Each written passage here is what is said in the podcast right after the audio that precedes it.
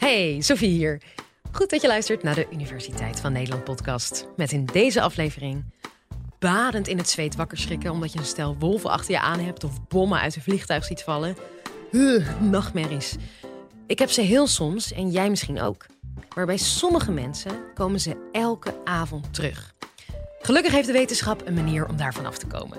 Slaaponderzoeker Jaap Lancé van de Universiteit van Amsterdam vertelt je hoe. Enjoy!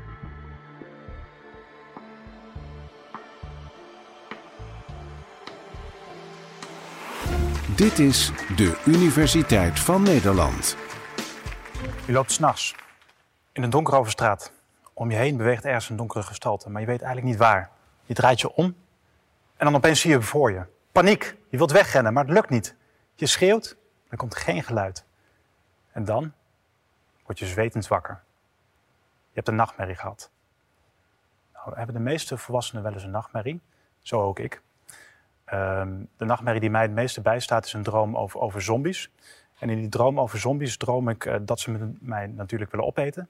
En ik heb een horloge en daarop kan ik zien hoe lang ik nog te leven heb. Als ik iets slims doe, neemt de tijd toe. Als ik iets doms doe, neemt de tijd af. En dan zie ik als het ware die tellen naar nul gaan en dat mijn laatste uur geslagen heeft. En zo zie je maar, het ene moment kan het een spannende droom zijn, het andere moment een hele nare droom, een nachtmerrie. Ik ben een slaaponderzoeker. Ik doe onderzoek naar nachtmerries. Ik heb veel patiënten gezien met nachtmerries. En die patiënten die hebben er vaak ook last van, ook overdag. Maar wat zijn nou eigenlijk die nachtmerries? Uh, en wanneer wordt een droom een nachtmerrie? En uh, kun je ze ook behandelen? Nou, in dit college wil ik antwoord geven op deze vragen. Eerst dat woord, nachtmerrie. Veel mensen dat, uh, denken dat iets te maken heeft met een paard, een, een merrie. Dat is eigenlijk niet zo. Het gaat over een mare, een demon. En die demon die ging s'nachts als het ware op je borst zitten en die drukte op je borst en dat veroorzaakte nachtmerries. Heel naar natuurlijk.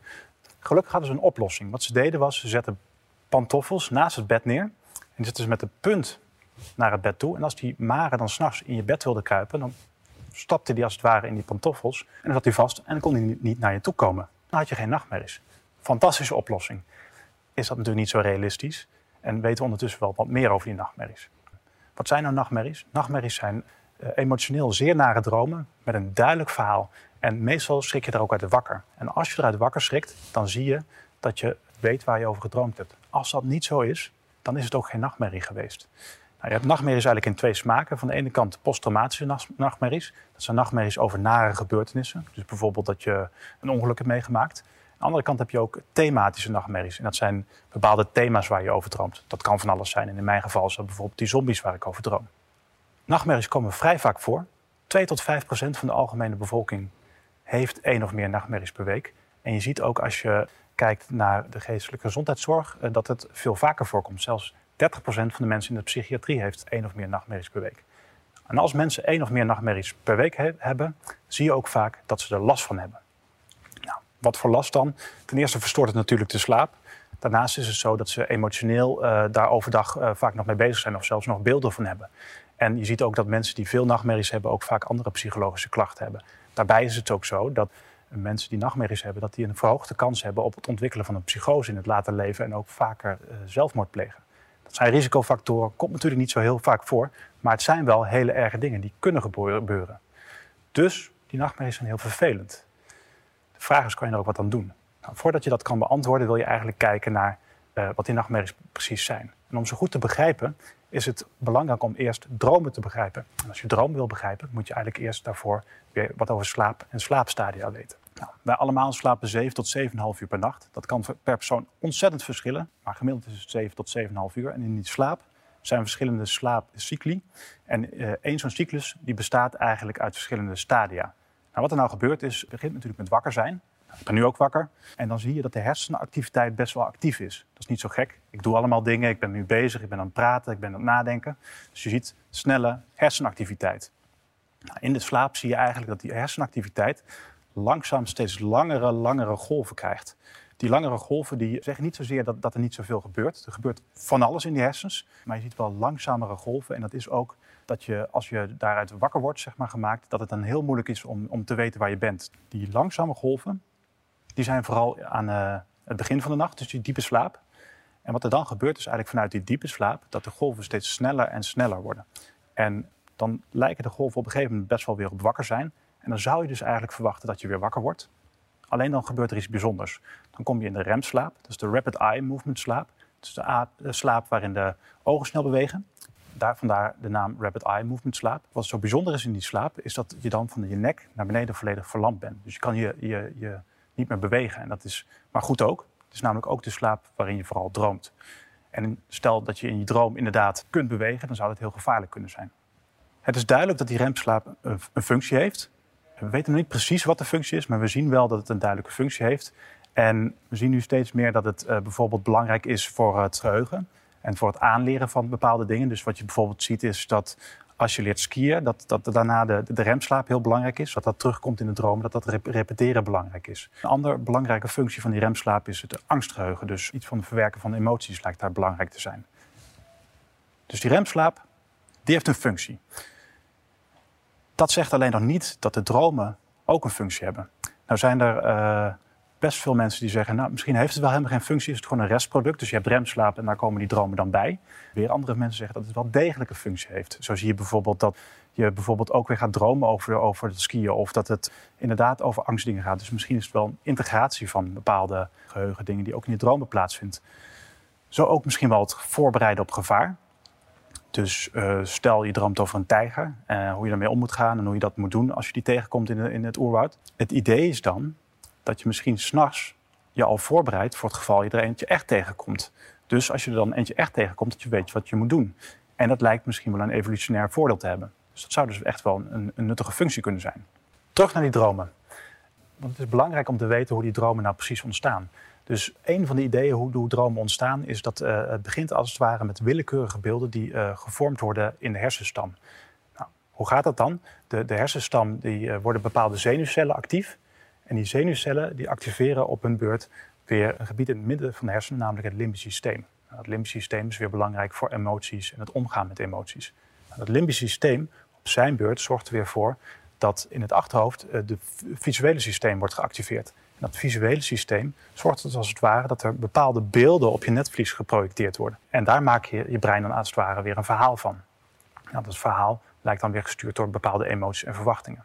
Nou, een andere theorie is dat die, die dromen niet per se over willekeurige beelden gaat, maar dat het eigenlijk veel meer gaat over uh, dingen die je hebt meegemaakt of waar je over hebt nagedacht. En dat zou dan weer verklaren waarom je bepaalde uh, dromen heel erg huistuin- en keukendromen zijn. Dus bijvoorbeeld uh, boodschappen doen of wat dan ook. En in alle gevallen is het dus zo die beelden dus weer gestuurd worden door emoties en verwachtingen. Nou, dat legt zich waarschijnlijk het beste uit aan de hand van een voorbeeld. Stel, ik heb een rapport met een deadline, dus ik ben keihard aan het werk om die deadline aan te halen. Dan is de kans best wel aanwezig dat ik s'nachts ook weer over dat rapport ga dromen. Immers, ik ben er veel mee bezig geweest, heb er veel over nagedacht. Nou, kan het zo zijn tegelijkertijd dat tijdens het dromen over dat rapport, dat er dus zo'n willekeurig beeld vanuit mijn hersenstam op mijn netvlies wordt gevuurd. Bijvoorbeeld een kangoeroe kan je dus tijdens het dromen maar aan één ding tegelijk denken. En integreer ik als het ware die twee beelden. Dus ik heb van de ene kant dat beeld van die kangoeroe en aan de andere kant dat rapport. En voor je het weet schrijf ik een rapport over kangoeroes. En het interessante is, omdat je in een droom maar aan één ding tegelijk kunt denken, uh, is het helemaal niet gek. Dus je vindt het opeens heel normaal, normaal dat je een rapport schrijft over kangoeroes, terwijl ik helemaal niks van kangoeroes weet en zelfs nog nooit in Australië ben geweest. Nou, omdat ik een kangoeroe best wel leuk vind, wordt het waarschijnlijk een vrolijk rapport of een leuk rapport en dus een fijne droom.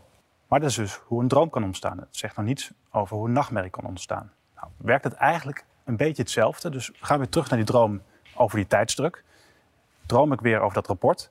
Maar nu komt er vanuit die hersenstam een willekeurig beeld... wat misschien gaat over een enge man. Die nare man die, die, die kan ik dan opeens interpreteren als een nog nadere man... wat dan weer zorgt voor een beeld van bijvoorbeeld zombies. En voor je het weet zit ik dus dan in de droom van de zombies... dat ik bezig ben met de klok en uh, als het ware niet weet hoe lang ik nog te leven heb. Dus dan krijg je dus die samenspel van die verwachtingen, die emoties en die willekeurige beelden en het huistuin- en keukenverhaal tot een hele nare droom. Omdat ik het dus verwacht en dat dat de emoties zijn die dat dus weer sturen. En dan heb ik opeens een nachtmerrie gehad. Maar wat we uit onderzoek weten is dat uh, veel nachtmerries herhalend zijn. Dus veel mensen die uh, veel nachtmerries hebben, hebben altijd terugkerende nachtmerries. Het is niet altijd over die zombies zoals ik nu vertelde, maar vaak meer over misschien ook wat meer dingen die ook in het dagelijks leven kunnen gebeuren, zoals bijvoorbeeld conflicten. Uh, maar die zombies is een goed voorbeeld. Dus wat er dan gebeurt is dat ik bijvoorbeeld die nachtmerrie heb gehad over die zombies. Maar dat roept natuurlijk heel veel angst op. En dan is het niet zo gek dat ik de volgende dag als ik dan wakker ben, daar niet over na wil denken. Dus wat ik ga doen, is het wegdrukken en vermijden. Tegelijkertijd, als ik dat vermijd, of dat dus niet over na wil denken, krijg je als het ware een verhaaltje of een script, zoals we dat dan noemen, dat in de hersens wordt gegraveerd. Dat verhaaltje, dat zit gekoppeld aan emoties. En eigenlijk wat het is, is dat het ene beeld het andere beeld oproept door die emoties en die verwachtingen. Dan wordt het niet zomaar geactiveerd, het is niet zomaar dat dat script start. Het is alleen wel zo dat als er dan weer bijvoorbeeld zo'n willekeurig beeld is, dat dat misschien juist weer uh, dat nachtmerrieverhaal kan activeren. Het enige is dat daardoor dan die, die, die verhalen zeg maar, steeds verder worden ingesleten. Dus die emoties worden steeds verder ingesleten. En dan wordt op een gegeven moment de kans steeds groter dat ik weer die nachtmerrie krijg. Want de drempel wordt als het ware verlaagd. Dus is het eerst zo dat ik moet dromen over een zombie om die nachtmerrie te starten. Is het daarna misschien wel zo dat ik een man met een mes richting een zombie gaat. En op een gegeven moment een man in het algemeen. En op een gegeven moment, nou ja, misschien zelfs alleen al een klok die mijn uh, zombie-droom start. Dan heb je dus een herhalende nachtmerrie waar je last van hebt. Oké, nou weten we dus hoe uh, die herhalende nachtmerries ontstaan. En dan wil je er eigenlijk natuurlijk ook vanaf. Want die nachtmerries, daar heb je last van en die zijn vervelend. Nou, gelukkig is er een goede behandeling voor nachtmerries. Dat heet Imagery Rehearsal Therapy in het Engels. In het Nederlands heet het inbeelden en veranderen. Dat is een psychologische behandeling en die maakt eigenlijk gebruik van het herhalende element van die nachtmerries. Wat je dan gaat doen, is het als het ware dat verhaal tot in detail overdag opschrijven. Nou, dat schrijf je dan op en dan ga je op een gegeven moment kijken, wat is nou het naaste moment van die nachtmerrie? Nou, in mijn geval is dat, dat, dat die klok als het ware die keihard terugloopt en ik weet dat het mijn laatste moment geslagen is. Dat is ook een moment net voordat ik wakker word. Dat zie je eigenlijk bij heel veel mensen, dat het het moment is net voordat ze wakker zijn. Stel dat je dat moment hebt, dan ga je overdag vragen, hoe zou ik nou willen dat deze nachtmerrie afloopt? Alles kan, het is een droom, dus alles mag zolang het maar goed voelt voor de patiënt. Of ik kan bijvoorbeeld opeens een bel in mijn handen hebben en die, zombies in stukken hakken. Maar ik kan ook gered worden door helikopters die uh, uit de lucht komen en mij, mij meenemen. Het kan ook zijn dat ik bijvoorbeeld uh, die zombies een hand geef en ja, opeens vrienden met ze word. Belangrijk is dat het voor mij goed voelt. Nou, wat je dan gaat doen, is dat verhaal overdag inbeelden en ervoor zorgen dat in eerste instantie die, die, die negatieve emoties flink omhoog gaan. En daarna dat je dus als het ware, die, die, die, als het verhaal verandert, dat die negatieve emoties weer omlaag gaan. Dat ga je doen, overdag inbeelden en dat ga je meerdere malen in de week doen. En wat er dan gebeurt, wat we dan zien, is dat de emotionele lading van die droom als het ware afneemt. En dat je waarschijnlijk ook wat meer controle ervaart over die droom. En dat zorgt er dan voor dat de nachtmerries uiteindelijk s'nachts niet meer terugkomen. Dat, dat, is niet altijd even makkelijk. Dus als zeker als je heftige nachtmerries hebt of als je uh, posttraumatische nachtmerries hebt, is het verstandig om dit met professionele hulp te doen. Maar het kan wel.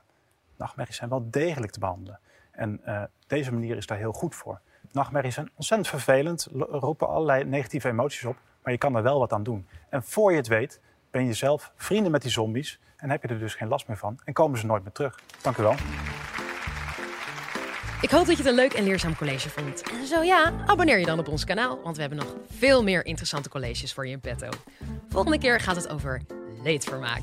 Mijn naam is Sofie Frankenmolen en graag tot de volgende.